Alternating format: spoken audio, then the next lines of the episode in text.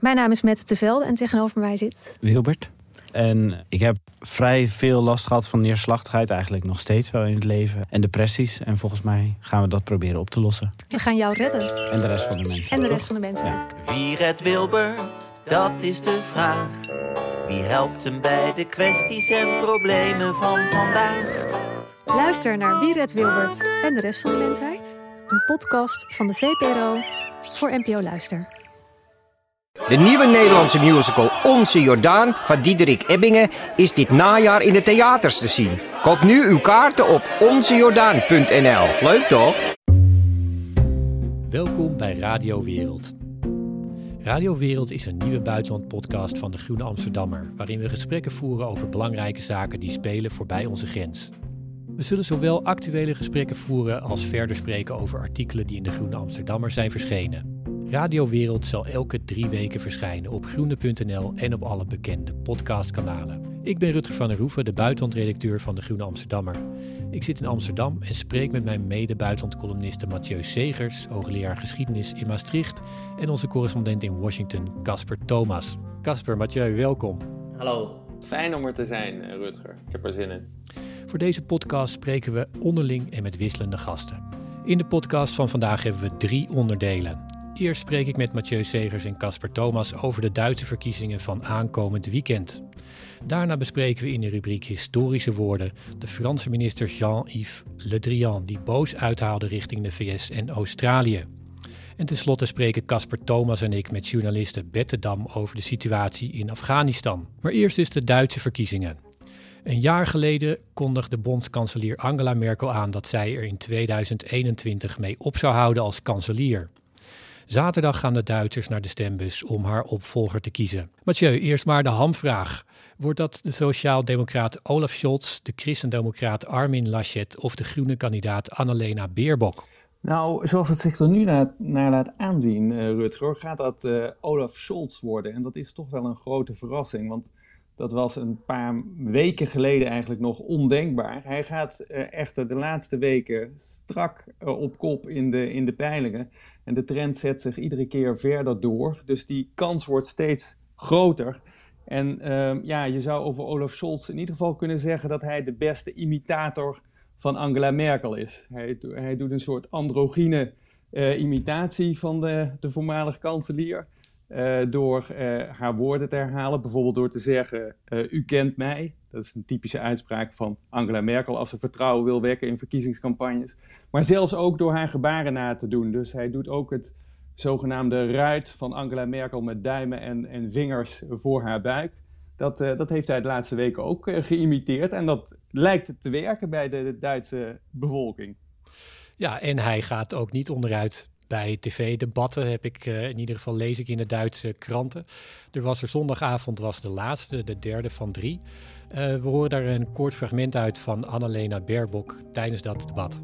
Diese Bundestagswahl ist eine Richtungswahl.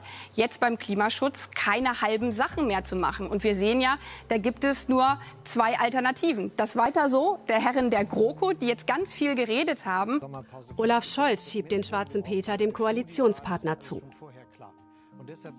Das ist ein großes Problem gewesen, dass die Union in dieser wichtigsten Frage für die industrielle Zukunft Deutschlands auf der falschen Seite gestanden und immer alles nicht wollte. Tja, dat waren fragmenten uit dat tv-debat van zondag. Um, jij hebt dat gekeken, Mathieu. Uh, is daar nog iets, uh, iets nieuws uitgekomen? Hoe kijk jij daarnaar? Nou, het was vooral weer een herhaling van de voorgaande debatten. Uh, dus dat paste in, uh, in, de, in de algehele sfeer van deze campagne, die aan de ene kant heel erg spannend is, omdat er dus iets, uh, echt iets, uh, iets staat te gebeuren. Als die Olaf Scholz gaat winnen, dan komt er toch een, een einde aan een hele lange periode van CDU, CSU-leiderschap onder, onder Merkel. Dat voelt iedereen aan, maar tegelijkertijd lijkt die spanning zo groot te zijn dat niemand meer iets durft. Dus alle grote thema's worden eigenlijk niet echt aangesneden. Als het er dan over gaat, zoals bijvoorbeeld de sociale, het sociaal beleid of zoals in dit fragment, um, het grote thema volgens Annalena Baerbock van de, van de uh, uh, de klimaatcrisis. Uh, dan neemt men hele ja, um, vooraf te verwachten posities in. en hier is wel interessant in dit fragment dat Annalena Baerbock zegt, kijk, die klimaatcrisis die kunnen we niet laten wachten. Daar moeten we grote stappen gaan maken. En daar staan die Groenen natuurlijk voor. Dat is als het ware hun, hun existentie ook om daarvoor te staan. Tegelijkertijd zegt ze, die andere twee, die doen veel te weinig. Hè? Die zeggen alleen maar weiter zo. Dat is een verwijzing naar wat Armin Laschet uh, gezegd heeft toen hij lijsttrekker werd van de CDU, CSU. Uh, als bondskanselierkandidaat en hem gevraagd werd: wat gaat u nou doen, uh, meneer Laschet, als u bondskanselier wordt? En toen zei hij eigenlijk weiter zo, waarmee hij wilde aangeven: ik ga gewoon de lijn Merkel doortrekken. Dat is eigenlijk ook wat Scholz doet. Hij is vicekanselier in de regering van Angela Merkel. En hij staat ook heel erg voor de lijn weiter zo. En daarom is dit fragment wel veelzeggend. Want behalve dat dit over het klimaatbeleid gaat, waar Baerbock dus zegt: ja, weiter zo van de mensen van de grote coalitie, de GroKo. Daar kunnen we die klimaatcrisis niet mee uh, het hoofd bieden. We moeten meer doen. Maar dat weiter zo staat eigenlijk ook voor deze hele verkiezingscampagne, waar de slagschaduw van Angela Merkel nog steeds overheen ligt. En waar niemand van de grote kandidaten, en het lijkt een tweestrijd te gaan worden tussen Scholz en Laschet, het aandurft om iets anders te doen dan Merkel heeft ingezet. Uh, en, en, dat is wel heel typerend. Dus het is aan de ene kant heel erg spannend. Aan de andere kant gebeurt er in die debatten ongelooflijk weinig. Ja, antwoord ook nog even een, een, een, vraag die, die, die ik voor deel had. Want dat Scholz nu aan, aan kop gaat. Ik, zie de verhalen al voor me dat, uh, omdat hij een sociaaldemocraat is, iedereen gaat zich dan afvragen: is dit dan ook een, een, een, een boost, een heropleving van sociaaldemocratie? Dat zie je natuurlijk ook op andere plekken in Europa gebeuren, Scandinavië bijvoorbeeld. Maar eigenlijk is hij dus weinig ideologisch geprofileerd op dat punt, uh, als ik dit zo hoor, Mathieu. Nou, kijk, hij, hij, doet, uh, hij doet heel klassiek sociaal-democratisch. Dus hij neemt aan de ene kant verantwoordelijkheid. Aan de andere kant uh, maakt hij van bijvoorbeeld het sociale punt en het minimumloon dat hij wil invoeren en wil verhogen in Duitsland naar, naar 12 euro bruto. Uh, over de hele linie, maakt hij echt een groot punt. Dus hij doet eigenlijk wat je verwacht van een sociaaldemocraat met een wat saai middenprofiel.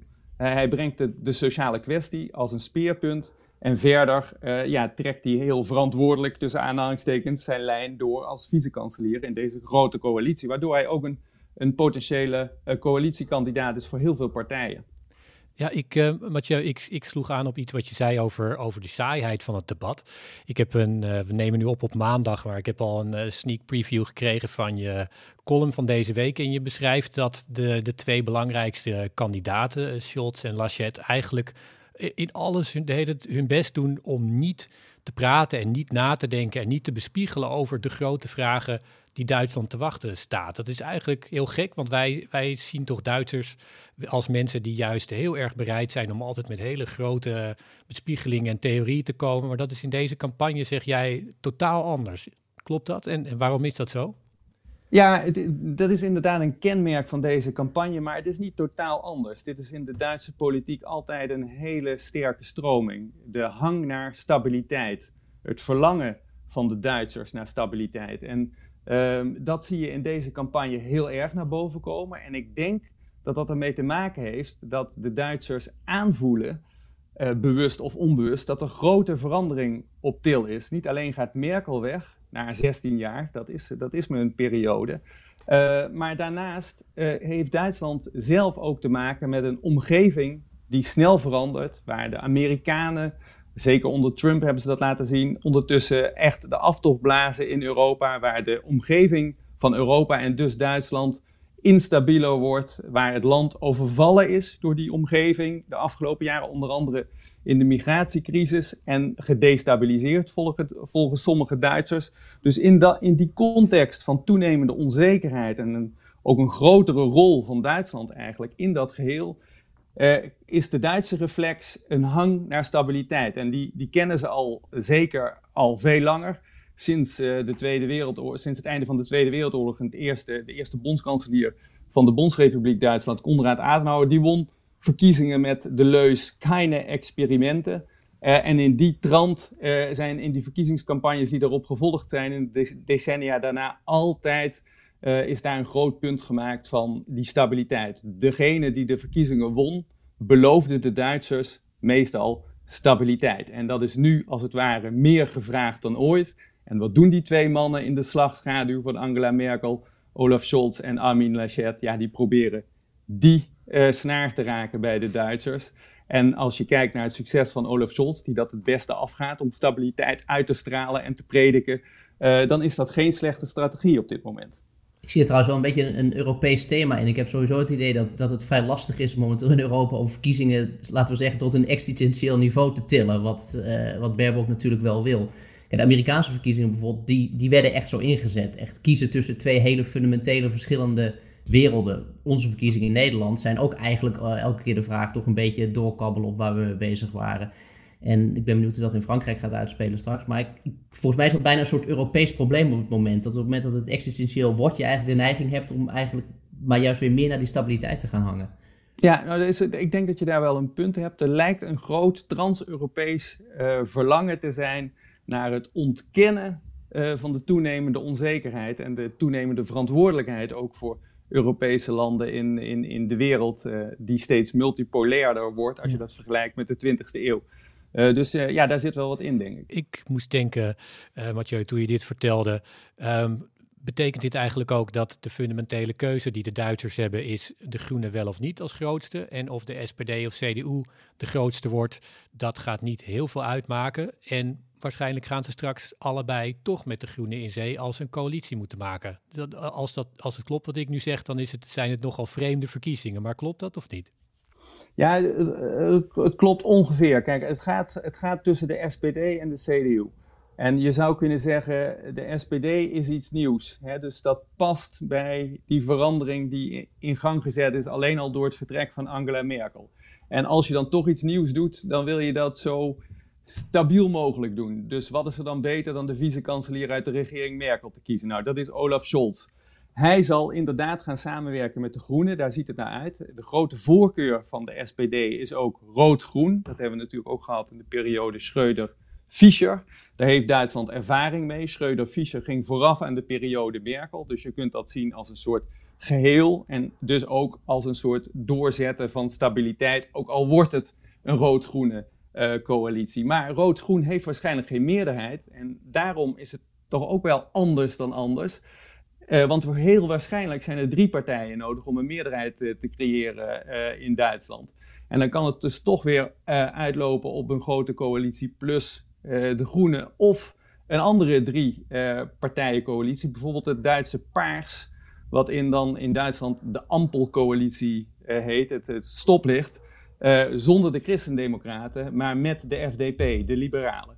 Dus die, die coalitieonderhandelingen die worden veel ingewikkelder dan men in Duitsland van oudsher gewend is, hoogstwaarschijnlijk. En dat is ook een teken van de verandering die er gaande is en die men dus eigenlijk het liefste tot nu toe nog ontkent waarin Duitsland trouwens ook weer volgens mij weer meer typisch Europees aan het worden is. Of, uh, in, in de zin dat, dat het landschap gewoon aan het versplinteren is. Misschien haakt Duitsland ja. wat, wat later aan bij die, bij die beweging. Maar het idee van de grote middenpartijen en het is de een of het ander. Wij zitten natuurlijk in Nederland, zijn we daar alweer eventjes uit en zijn we altijd aan gewend dat het bijna onmogelijk is om met één grote partij vervolgens verder ja. te gaan. Maar Duitsland lijkt er nu bij aan te haken. Nee, daar heb je gelijk. En aan de andere kant loopt Duitsland misschien toch ook een beetje voorop. Als je bijvoorbeeld kijkt naar Beieren, waar de christendemocraten nu al een, een tijdje samenwerken met de Groenen. Uh, uh, Beieren, maar vooral ook Baden-Württemberg. Uh, en daarin heel succesvol zijn in die samenwerking, beide partijen. Dus met name in Baden-Württemberg wordt dat zeer gewaardeerd. En hebben ze ook met die coalitie opnieuw weer ge gewonnen onlangs. Dus dat is een teken dat er nieuwe combinaties mogelijk zijn. En dat de oude combinatie van CDU met ofwel de SPD uh, ofwel de FDP, de liberalen, dat dat spel inderdaad uh, uit is. En dat het wat dat betreft inderdaad, je hebt gelijk Casper, Europeeser wordt. Dat er meer partijen nodig zijn met een toch wat versplinterend midden. Ja, en Mathieu, wij, uh, wij kijken natuurlijk met heel veel aandacht naar die Duitse verkiezingen. Het is onze, onze grote buur. Uh, Rusland kijkt met veel interesse. Ik heb wel gelezen dat, dat een paar Rusland-watchers zeggen dat de Duitse verkiezingen voor Rusland belangrijker zijn dan de Russische verkiezingen zelf. Maar dat buitenland, dat lijkt niet echt een thema te zijn in de campagne zelf. Klopt dat?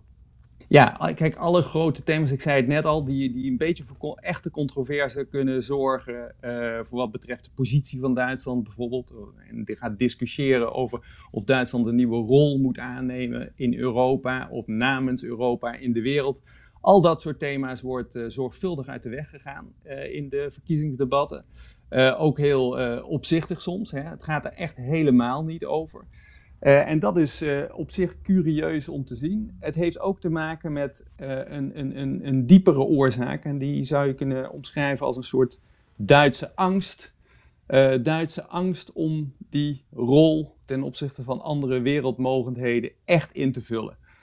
Want Duitsland heeft wat dat betreft, als je het vergelijkt met andere grote mogendheden, zoals je noemt Rusland, maar je zou ook best Frankrijk kunnen noemen, of het Verenigd Koninkrijk, of Amerika, of China, heeft Duitsland um, eigenlijk een, een, zwakke traditie als staat die van, van nature de leiding wil nemen. De Duitsers zijn daarover verdeeld. En kijken vooral naar binnen. Je zou ook kunnen zeggen, de Duitse positionering in de internationale betrekkingen wordt gedreven door verdediging over het algemeen van wat je wel de Duitse cultuur zou kunnen noemen. En dan komen we op een heel essentieel punt. Die cultuur is volgens vele Germanisten die daarover nagedacht hebben, eigenlijk veel sterker dan het, uh, uh, de Duitse staat. Dus in vergelijking met andere landen zou je kunnen zeggen dat Duitsland meer een cultuur dan een land is. Als je het bijvoorbeeld vergelijkt met een, uh, met een land als Frankrijk. En dat zie je ook wel een beetje terug. Die Duitse cultuur die zit door heel Midden-Europa en ook een groot gedeelte van Noord-Europa. en is eigenlijk veel minder gebonden aan landsgrenzen, staatsgrenzen van oudsher dan bijvoorbeeld uh, de Franse cultuur. En dat maakt dus die Duitse positie inherent eigenlijk tamelijk zwak als het gaat om de hard politics van de internationale betrekkingen. Want daar draait het natuurlijk om staatsmacht als we nou moeten denken aan, een, aan iemand die dat, uh, die dat subtiele element uh, verduidelijkt. Jij hebt het in je column over Claudio Magris. Kun je uitleggen wat hij dan precies aanraakt, wie hij is en wat hij aanraakt over Duitsland, wat jij veel vindt zeggen? Nou ja, Claudio Magris is een, is een Germanist, filosoof, een schrijver, nou, een, een, een, geweldenaar. Ik raad het iedereen aan om zijn, zijn werken te lezen.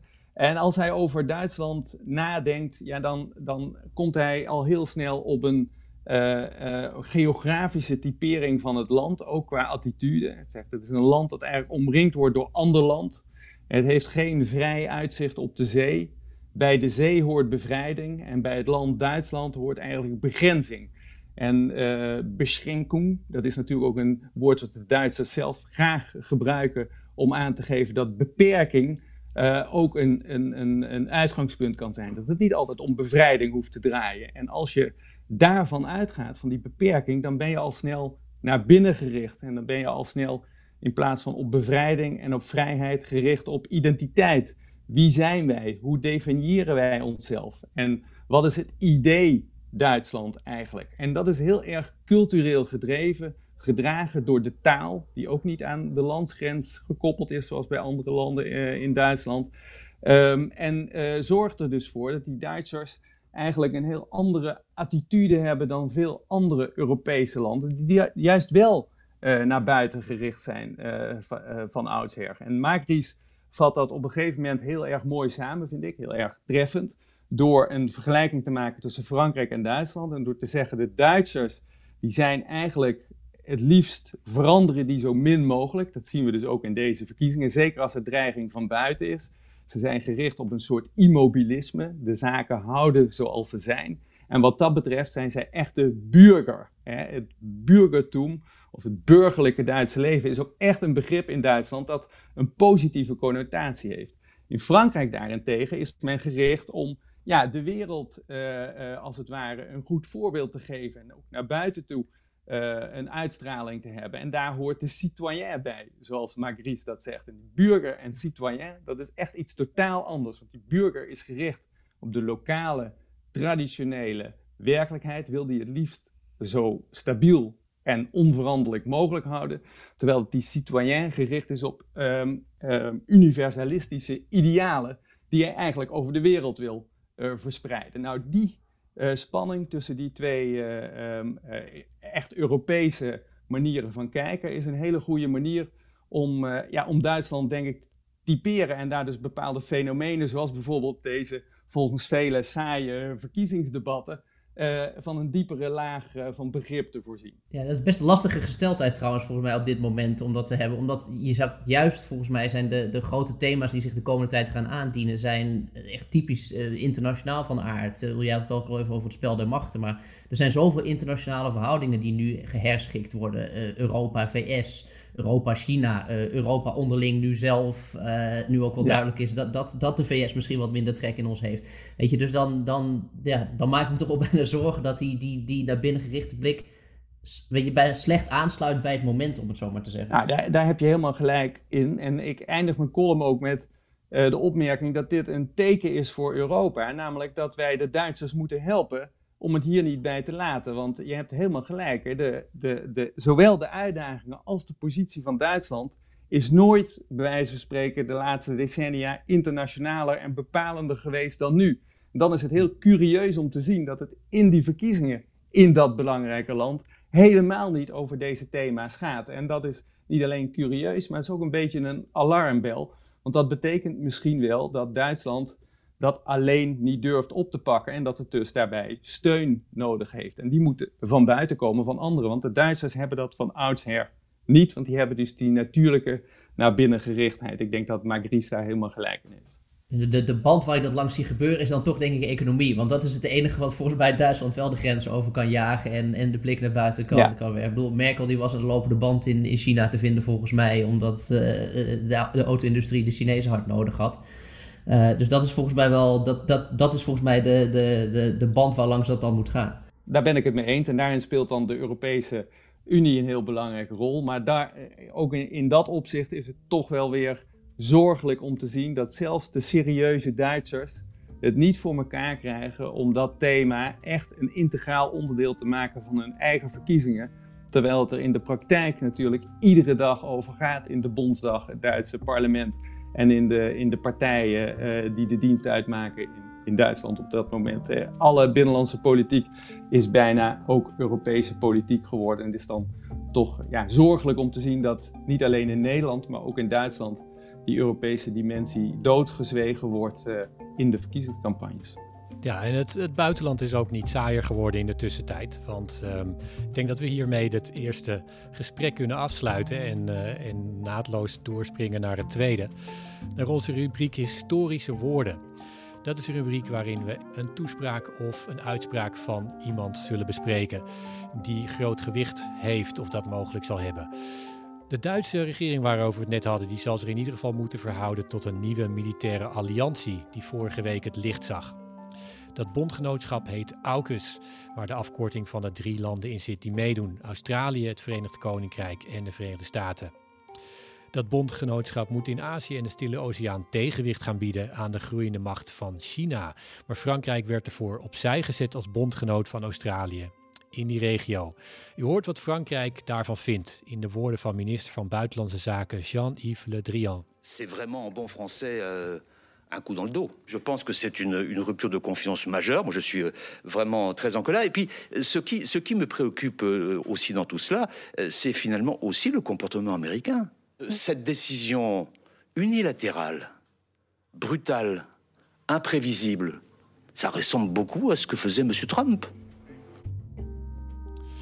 Ja, de Fransen waren geschokt. Uh, ze hadden dat niet zien aankomen. Wat op zich een presentatie van formaat is. Nog Frankrijk, nog de Europese Unie en nog China had dat gezien. Casper, wat denk jij? Is dit werkelijk een historisch moment? Nou, ik denk dat we de komende tijd in, in deze podcast, in artikelen, waar dan ook echt vaak gaan terugkomen op dit moment. Omdat het toch wel een hele grote breuk is uh, in, in, in de, hoe de verhoudingen in de wereld liggen dat er komt ook steeds informatie meer naar buiten nu in, in de Amerikaanse pers. Dat Amerika heel bewust eigenlijk Frankrijk uh, uh, in het donker hierover heeft gelaten. Um, dus terecht misschien wel dat de Fransen zich echt, echt heel erg bekeerd voelen. En het laat ook echt zien dat Amerika over Europa heen kijkt en, en, en andere strategische belangen voor zichzelf ziet, uh, het zwaartepunt van de wereld in een andere regio plaatst. Dus, en het, en het werpt ook de vraag op voor Europa. Wat, moeten wij hiervan vinden? Nederland, Duitsland, noem het maar op. Gaan wij Frankrijk steunen? Is, zijn wij Verenigd Europa die vinden dat, dat, dat we collectief uh, door de Amerikanen in de hoek gezet worden? Het gaat echt, uh, ik denk echt, ja, in die zin, ik bedoel, te vroeg om breekpunten in de geschiedenis aan te wijzen op het moment dat ze zich voordoen. Maar ik denk dat dit wel zeker in aanmerking komt om er een te zijn. Ja, ik denk ook, ik, ik ben het je daarin wel met je eens. Ik denk dat zowel de, uh, de zet zelf uh, heeft grote betekenis, ook de manier waarop die is gedaan. Het is dus, uh, jij, jij raakt dat al aan, de Verenigde Staten hebben echt hun best gedaan om dit achter de rug van de Fransen aan te doen. Dat steekt hun eer enorm, maar het, het um, het raakt ook dat aspect aan wat, de Verenigde, wat Frankrijk het uh, zeg maar wat de kern van hun bezwaar is met de NAVO, namelijk de Verenigde Staten zijn niet betrouwbaar. En dat wordt hierin heel erg naar voren gehaald. Ik denk dat um, Australië en de Verenigde Staten uh, Frankrijk eerder hadden kunnen zeggen: dit gaat gebeuren, het is heel pijnlijk voor jullie, maar um, hoe kunnen we jullie compenseren? Of, of we stellen jullie dan niet in, voor, een, voor een verrassing. Dit was heel pijnlijk. En ik denk dat de Verenigde Staten zich best kunnen vergissen in de Franse wil en de mogelijkheden om Frankrijk dwars te zitten als het zich gekrenkt voelt. Um, ze kunnen daarvoor Henk Wesselings boek lezen, de man die nee zei voor, voor inspiratie. Maar um, de Franse bezwaar dat, dat dit betekent dat, na, dat de NAVO eigenlijk uh, aan belang inboet omdat de Verenigde Staten uh, onbetrouwbaar blijken, dat komt natuurlijk net naar Afghanistan. En in de Anglo-Saxische pers kon je, kon je heel erg lezen afgelopen week van ja, er is geen enkel ander Europees land die dat nazegt. Maar ik denk echt dat ze zich daarin vergissen. Dat punt, dat is echt wel aangekomen. Dat, uh, ik ken dat in, uh, in persmonitors uh, las ik dat toch, dat dat werd geschreven in Duitsland met name, maar ook in, in andere Europese landen, dat dit um, aangeeft dat de Verenigde Staten toch niet helemaal te vertrouwen zijn. Dus dat geen enkele regeringsleider het zegt, dat betekent volgens mij niet dat dat op die manier toch niet geland is in Europa. En Casper, hoe zie je, kun jij een, blik geven vanuit Washington over zowel ja, die, die mogelijke implicaties voor de NAVO, hoe dat uh, in, de, in de VS wordt bekeken en of dat wordt gezien als ja, een blunder of iets onoverkomelijks. En ook wat het gaat betekenen uiteindelijk voor het gebied waar het zijn effect moet krijgen, die uh, Indische en Stille Oceaangebied. Ja, ik denk dat we inderdaad, je, je had hier een hele podcast aan kunnen wijden en, en, en, en, en artikelen. Uh, Moeten we misschien gewoon gaan wat. doen. Nou ja, ik, ik denk echt dat we regelmatig gaan terugkeren naar, naar dit moment. Ik denk eigenlijk dat we misschien nu nog niet helemaal aan het beseffen zijn hoe ontzettend groot dit is. En het is, het is echt een breekpunt. Uh, de Franse minister had het al over, weet je, dit is het gedrag van, van Trump, zei hij. Maar het, het punt is, bedoel, zelfs Trump deed dit niet zo ongeveer. Ik bedoel, dit, is, dit is het gedrag van Biden. En dat maakt het natuurlijk op een bepaalde manier nog, uh, nog schokkender, omdat iedereen dacht dat Biden uh, een, een, een, uh, een Atlantisch figuur was dat Europa als zijn beste vriend zag. En dit is gewoon een heel duidelijk signaal dat dat in, in de strategische calculus die Amerika aan het maken is, gewoon niet het geval is. Ja, en Europa is gewoon niet de, de, de, de meest noodzakelijke partner voor het strategische gebied waar het om gaat. Het gaat om de Stille Oceaan. En wat je ook ziet, uh, dat interessant is dat er zijn signalen dat India bijvoorbeeld beter op de hoogte was van deze aankomende move dan Frankrijk. Uh, en die, de pivot naar Azië, dat is eigenlijk het grote ding waar Amerika al onder Obama mee begonnen is. Dat is al lang aan de gang. Alleen dat, die, die pivot, die, dat omslagpunt, dat, dat wordt nu eigenlijk echt merkbaar. De verschuiving van de blik van de Atlantische Oceaan naar de Stille Oceaan, laten we het gewoon even zo zeggen. En dat is volgens mij ook iets waar Europa, dat heeft, dat heeft, die, die kent die wereld niet. Die heeft er ook misschien niet die geografische binding mee, ook niet echt niet de kennis van. Dus uh, dit speelt zich ook een beetje af in onze blinde vlek. En in die blinde vlek worden vervolgens allianties gevormd die, uh, uh, waar, we, waar, we geen onderdeel van zijn. Ja, en wat een, wat een laatste punt is wat ik hier nog wel bij zou willen, willen aanraken. Dat is dat wij, we hebben nu die woorden van, van een Fransman. En dat is logisch, want we, we spreken geen Chinees. Het zou heel moeilijk zijn om dat fragment te pakken. Maar de werkelijke slachtoffer van deze alliantie is uiteindelijk niet Frankrijk, maar China. Want wat er is gebeurd is dat Australië kennelijk heeft geconcludeerd dat het niet een middenpositie kan gaan spelen tussen de VS en, uh, en China en dat het een kans zou moeten kiezen. En dat is voor, voor China toch echt een hele een strategische klap. Natuurlijk hangt uh, Australië meer naar de VS toe, maar ze hebben expres de afgelopen jaren steeds afstand gehouden omdat zij die Chinese invloed zagen groeien en hun eigen verhouding tot China wilden hebben. Maar uh, de Chinezen hebben Australië een paar keer heel hard aangepakt, omdat ze vonden dat, dat Australië ja, niet genoeg uh, zich boog naar China of niet, niet meteen aannam dat corona daar niet vandaan kwam. En die harde lijn, die heeft nu ertoe geleid dat Australië zich gewoon met de Verenigde Staten tegen China heeft gevoegd. En dat is echt een, een enorme misrekening, denk ik, van China. En eentje die, ja, die echt wel in, gevolgen voor hen zal hebben. Dus uh, ik denk, historische woorden, uh, die zullen dat ook over een tijdje blijven. Ze zullen niet altijd in deze rubriek even belangrijk zijn, maar deze, denk ik, die hoort daar echt wel bij. Ja, we hebben echt een, qua opening van deze rubriek hebben we wel echt woorden te pakken die denk ik inderdaad historisch gaan blijken. Dat, uh, wat ik zei, dat, dit, dit, gaat, dit gaat heel veel dingen in werking zetten die we, die we nog de komende maanden en, en misschien zelfs de komende jaren zullen gaan bespreken.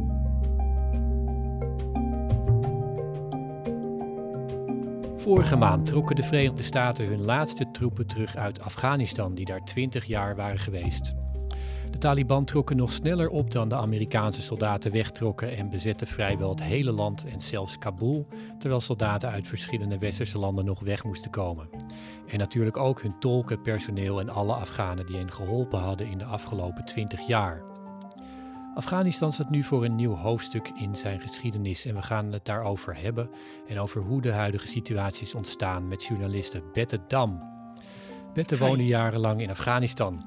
Hallo, en schreef onder meer het boek Op zoek naar de vijand en ook een lang artikel voor de Groene Amsterdammer in augustus. Welkom Bette. Hi. Uh, de eerste vraag die ik had is over de Taliban zelf. Je hebt daar een, uh, veel over geschreven, boeken over geschreven. En elke serieuze analyse die ik lees, die begint met uitleggen dat de Taliban een misleidende term is, die tegelijk over in het buitenland verkerende leiders gaat, over stamhoofden, krijgsheren, lokale groepen en verschillende generaties strijders en meer. Kun jij uitleggen waarom dat belangrijk is om, uh, voor ons perspectief op Afghanistan, dat we, dat we ons dat uh, realiseren? En als tweede vraag, wat vind je van die veelgebruikte term uh, Taliban 2.0 die je nu vaak leest? Uh, ja, dat zijn, dat hele grote vragen. Uh, ik denk dat uh, inderdaad de analyse, op dit moment de westerse analyse over de Taliban vaak gebaseerd is op het niet praten met de Taliban. dus het zijn allemaal analyses die vanaf een afstand worden gemaakt, vanuit Amerika vaak, of Europa. Uh, en op de een of andere manier hebben ze bedacht inderdaad om het heel vaak te hebben over de verdeeldheid uh, in de Taliban. Ik weet niet zo goed waar dat vandaan komt. Uh, ik denk dat we te maken hebben met een movement die ehm, in de eerste helft van de War on Terror, dus tot en met 2010, eigenlijk niet bestond. dat is een movement die zich wilde overgeven. de Amerikanen wilden daar niks van weten en hebben daar uit, uh, op geantwoord uh, op een land zonder vijand door meer troepen te sturen. Dus dan heb je een hele situatie met een visieuze cirkel waarbij ze hun eigen vijand hebben gecreëerd en uiteindelijk de Taliban zichzelf wel weer organiseerden. In de tijd dat ik daar woonde moest je altijd eigenlijk elke aanslag goed gaan checken. Uh, er was altijd een Amerikaanse snelheid, uh, zowel bij de Amerikaanse overheid, maar ook met Reuters en AP en, en de, de, kranten, van te zeggen, oh dat is Taliban of Al-Qaeda. Maar daar zat, dat, daar zat waarschijnlijk, eh, daar zat heel vaak een complexe beeld achter, waarbij de war on terror eigenlijk als een vehikel werd gebruikt om, en, en, en omdat het aanmoedigde uh, om Afga bij, in conflicten die al ouder waren, tussen families bijvoorbeeld, om, die daar, om daar uh, een einde aan te maken, zullen we maar zeggen. Dus dat ging om geld, dat ging om toegang tot uh, water, dat ging om toegang tot contracten voor de Amerikanen enzovoort. Um, en nu is het deze groep die, die weer terug is gekomen in, in Afghanistan. En eigenlijk heel erg lijkt op, op wat het was voor 9-11. Ze hebben eigenlijk ook nooit echt gezegd, we gaan het drastisch anders doen. Er zijn natuurlijk wel heel veel observators die hebben gedacht, zal het dan nu anders zijn? Omdat natuurlijk de wereld is veranderd en Afghanistan is ook veranderd.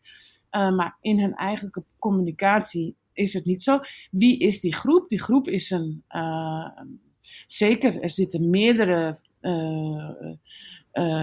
zeg maar, meerdere identiteiten in, in deze groep, maar dat zit er eigenlijk wel in meerdere ja, ik zou zeggen bijna in elke partij, in elke regering. Ik kijk naar onze eigen regering, dat is ho vrij hopeloos, zou ik willen zeggen. Um, en de Taliban is, is net terug aan het komen en uh, is dit aan het uitzoeken. En er zijn zeker enorm veel interne verdeeldheden, maar daar ben ik niet verbaasd over. Um, er zijn mensen die lange tijd in Doha hebben gewoond. Hè? Die hebben lange tijd met Amerikanen gepraat. Niet productief, maar het is wel een contact geweest.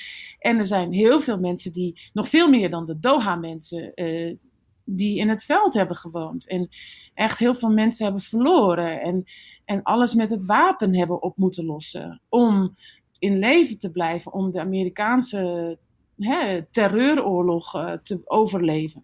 Nou, dat, dat is een beetje wat je nu ziet. En heel veel mensen van deze movement hebben de plek gevonden in Pakistan om daar te kunnen uh, opereren. Nou, dat is een, daar kunnen we een eigen podcast, over, zeg maar een hele aparte podcast over maken, over die dynamiek. Maar het is vaak zo, als er één regime aan de macht is in Afghanistan, is het andere regime in Pakistan.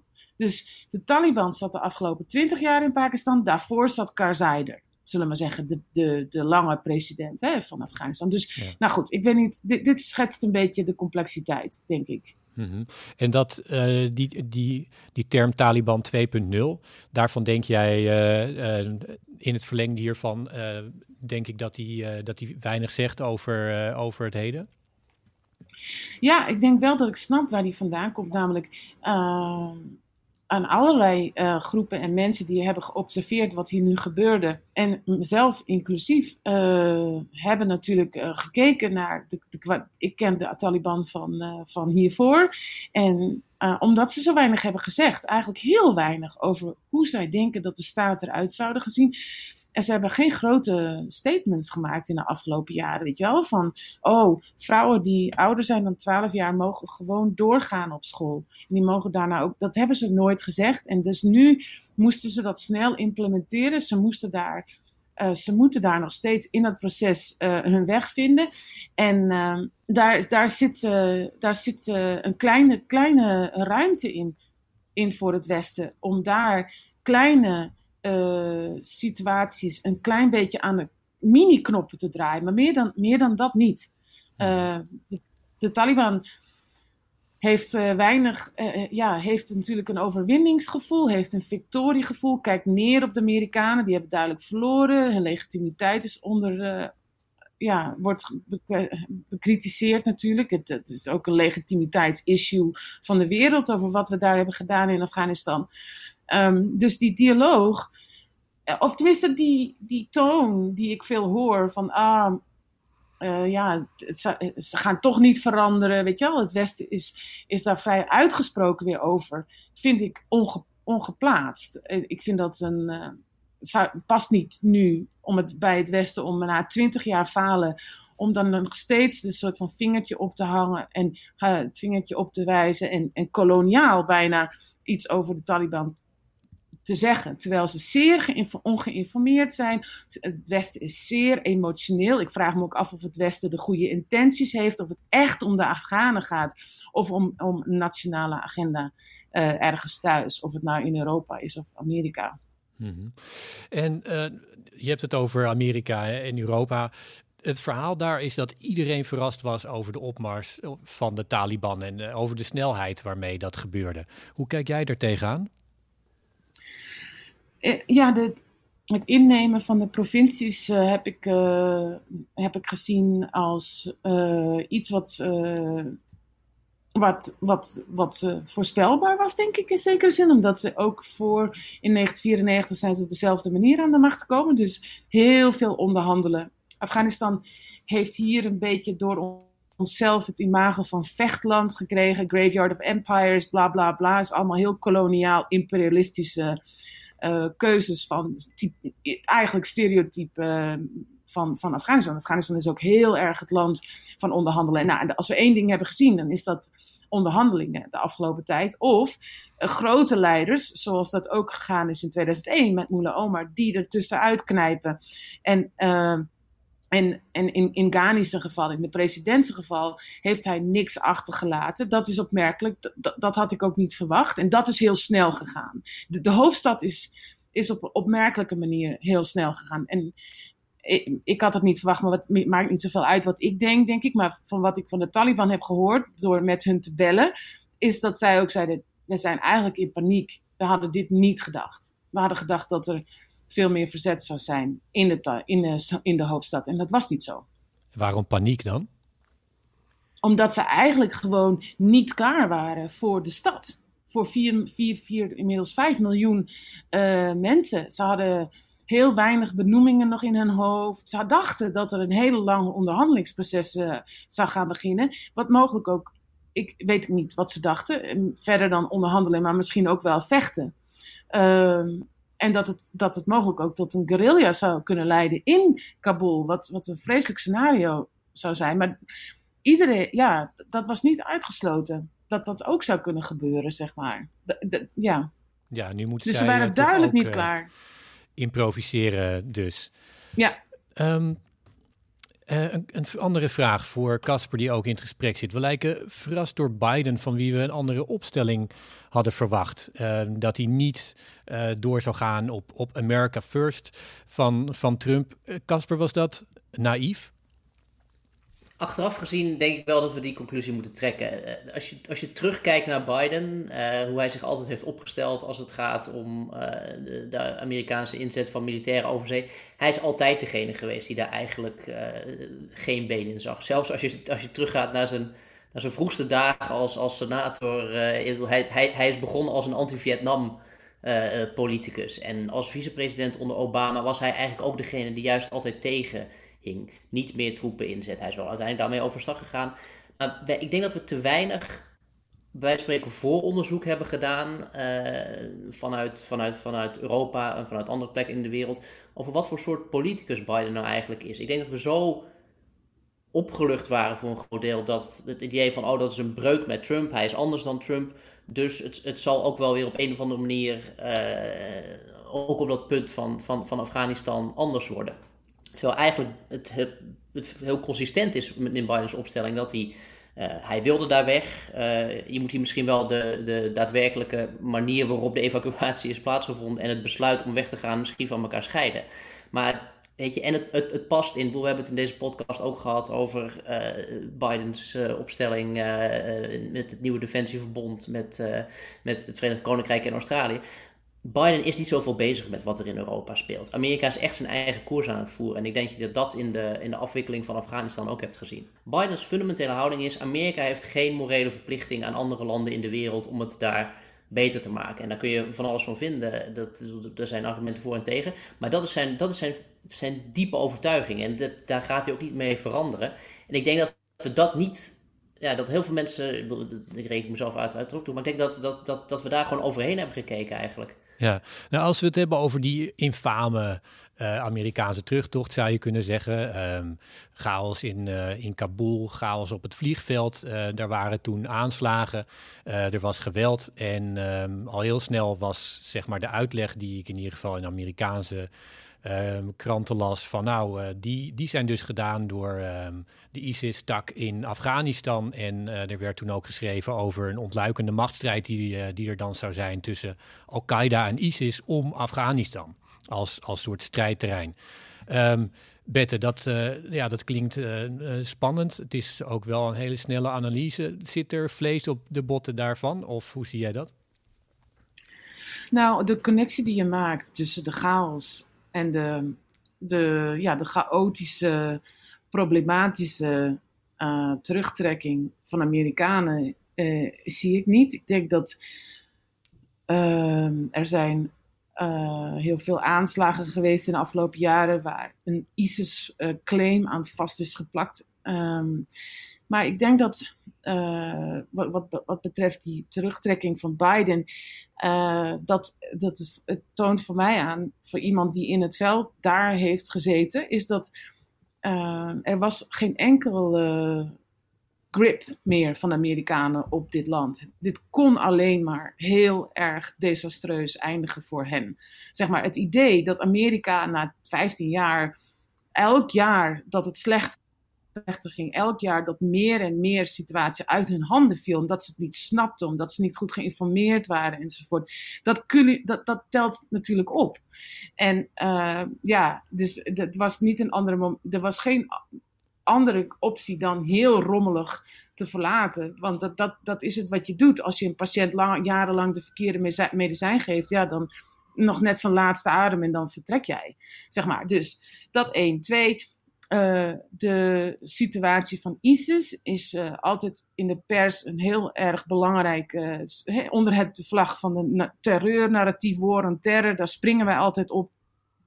En ik denk dat we daar een stuk voorzichtiger mee moeten zijn. Er is een complexe situatie in Afghanistan waarbij allerlei groepen een interesse hadden om een aanslag te plegen bij, die, bij het vliegveld. Uh, we hebben dat niet onderzocht. Wat we, e-, het enige wat we weten is dat er een groepje is dat heeft geclaimd dat het ISIS is. We hebben daar geen crosscheck op gedaan. Um, daarbij kwam direct het narratief dat dat een interne strijd zou worden tussen de Taliban en ISIS. We zijn inmiddels een maand verder klop op het hout. Maar we hebben nog geen grote vervolgaanslagen gezien. Bijvoorbeeld, we zien die strijd nog niet. Uh, en, en dat is het enige wat ik weet. Ik ben daar niet, anders zou ik daar misschien wat meer over hebben. Maar ja, we moeten dat een beetje voorzichtig uh, benaderen, denk ik. Ja, en die, die machtswisseling in Afghanistan die wordt wel een beetje voorgesteld alsof er een um, front verschoven is, waarachter de eerst de Afghaanse regering en de VS totale controle hadden over de levens van Afghanen. En nu is dat compleet verscholen. Dat, tegelijkertijd voelt dat alsof dat op geen enkele manier recht doet aan de complexiteit van de, van de afgelopen twintig jaar en de, de dagelijkse ja. keuzes waar veel mensen voor stonden. Ben je het daarmee eens? Ja, ja, ja. Ik denk dat, uh, uh, dat, dat dat is echt een hele kwestie van narratieven, hè? hoe ze dit draaien. Uh, hoe, ja, ik denk dat het, het moet niet vergeten worden dat de leven onder de Amerikanen in Afghanistan was voor de meerderheid onzeker, arm en honger.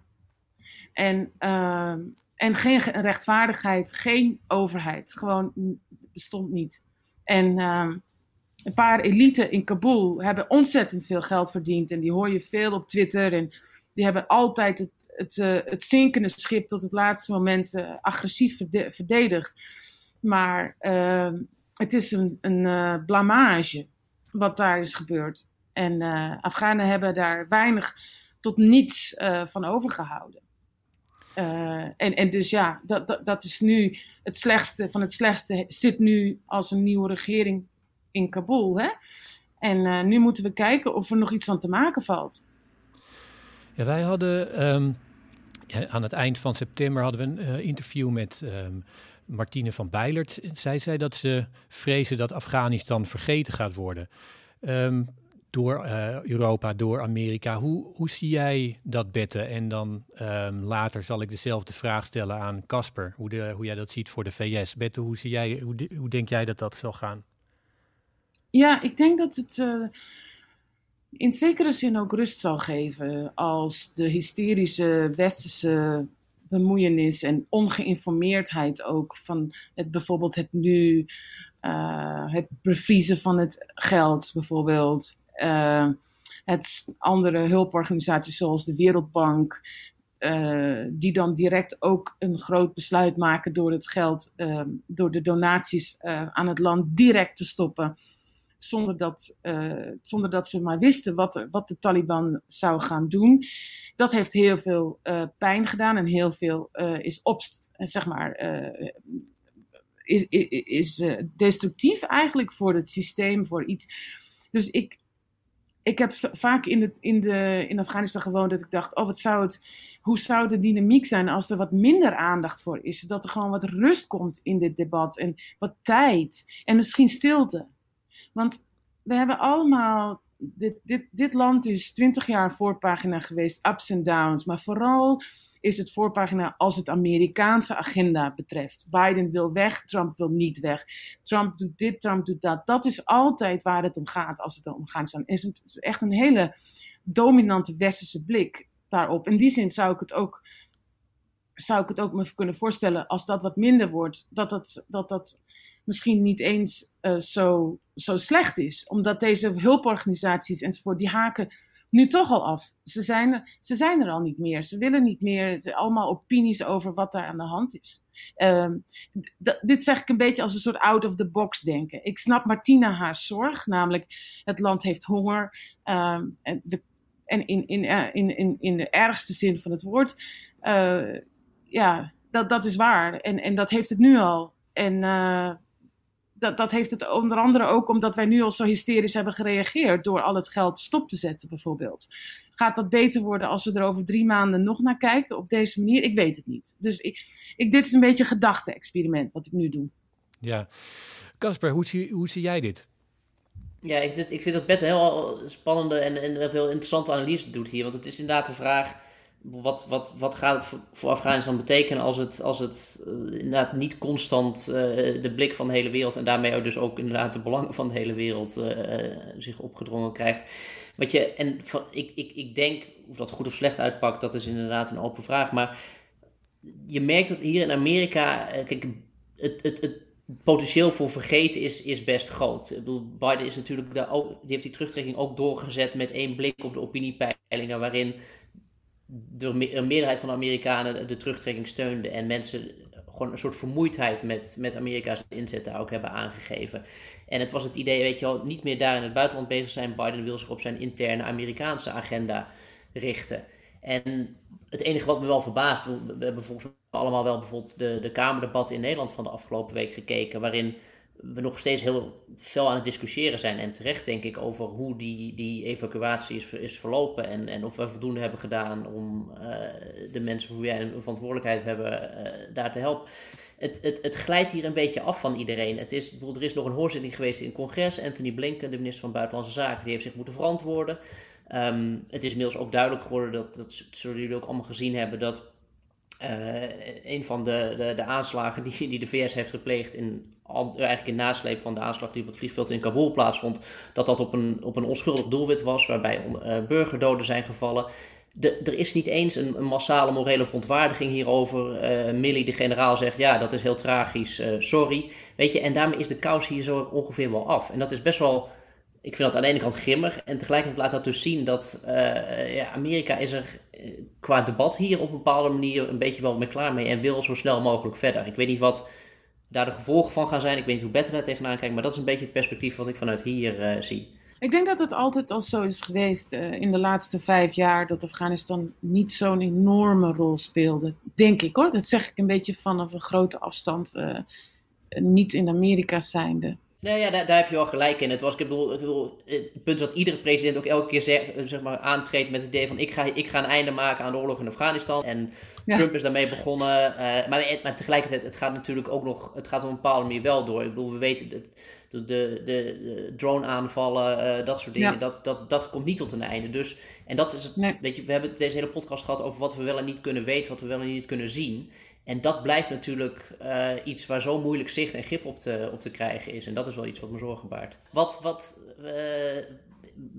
uh, waar moeten we nu op letten? Of waar, waar, waar, waar, ga jij op letten? Wat is het, wat is het, of, of misschien moeten we juist die, die vraag niet stellen als ik, als ik die eerdere betoog hoorde. Maar wat is, het, wat, is de, wat is de vraag zeg maar voor, voor ons? Ja, ik denk Casper... Uh, dus, zelfs als ik heel erg persoonlijk praat is het, is het een introspectie. Heel erg stil zijn. Ik, ik, dit is eigenlijk het enige interview wat ik nog doe. En de afgelopen week heb ik alles afgehouden. De debatten bij de balie, noem het op. Ik doe het niet meer.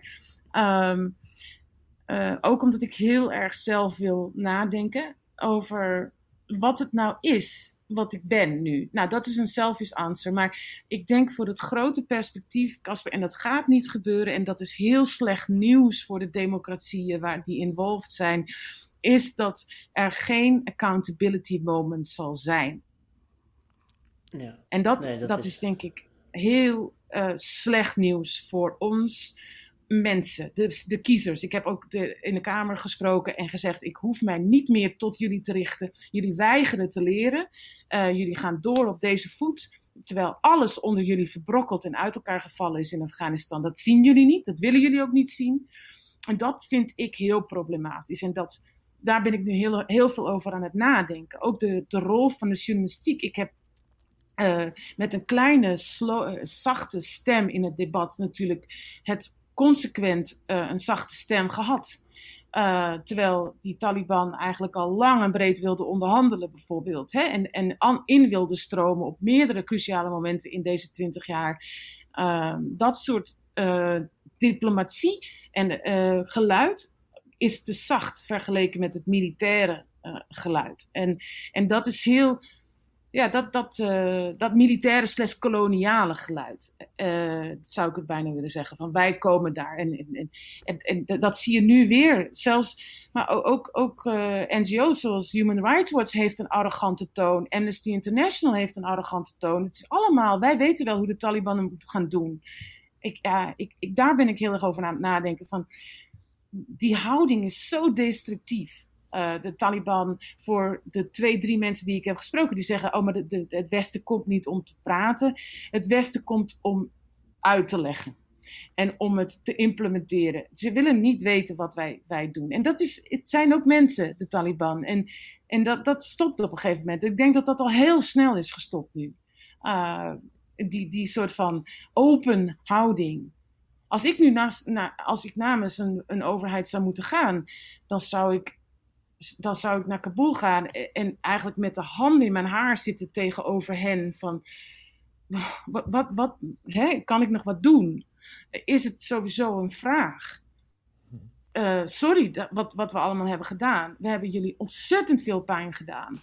Weet je wel? En, en dit is wat we nu hebben. We hebben een strikt regime. U wilt de meisjes niet naar school laten gaan. Dat wisten we dat u dat wil. En dat, dat blijkt nu zo. En, en ja, nou ja, we steunen Saudi-Arabië ook.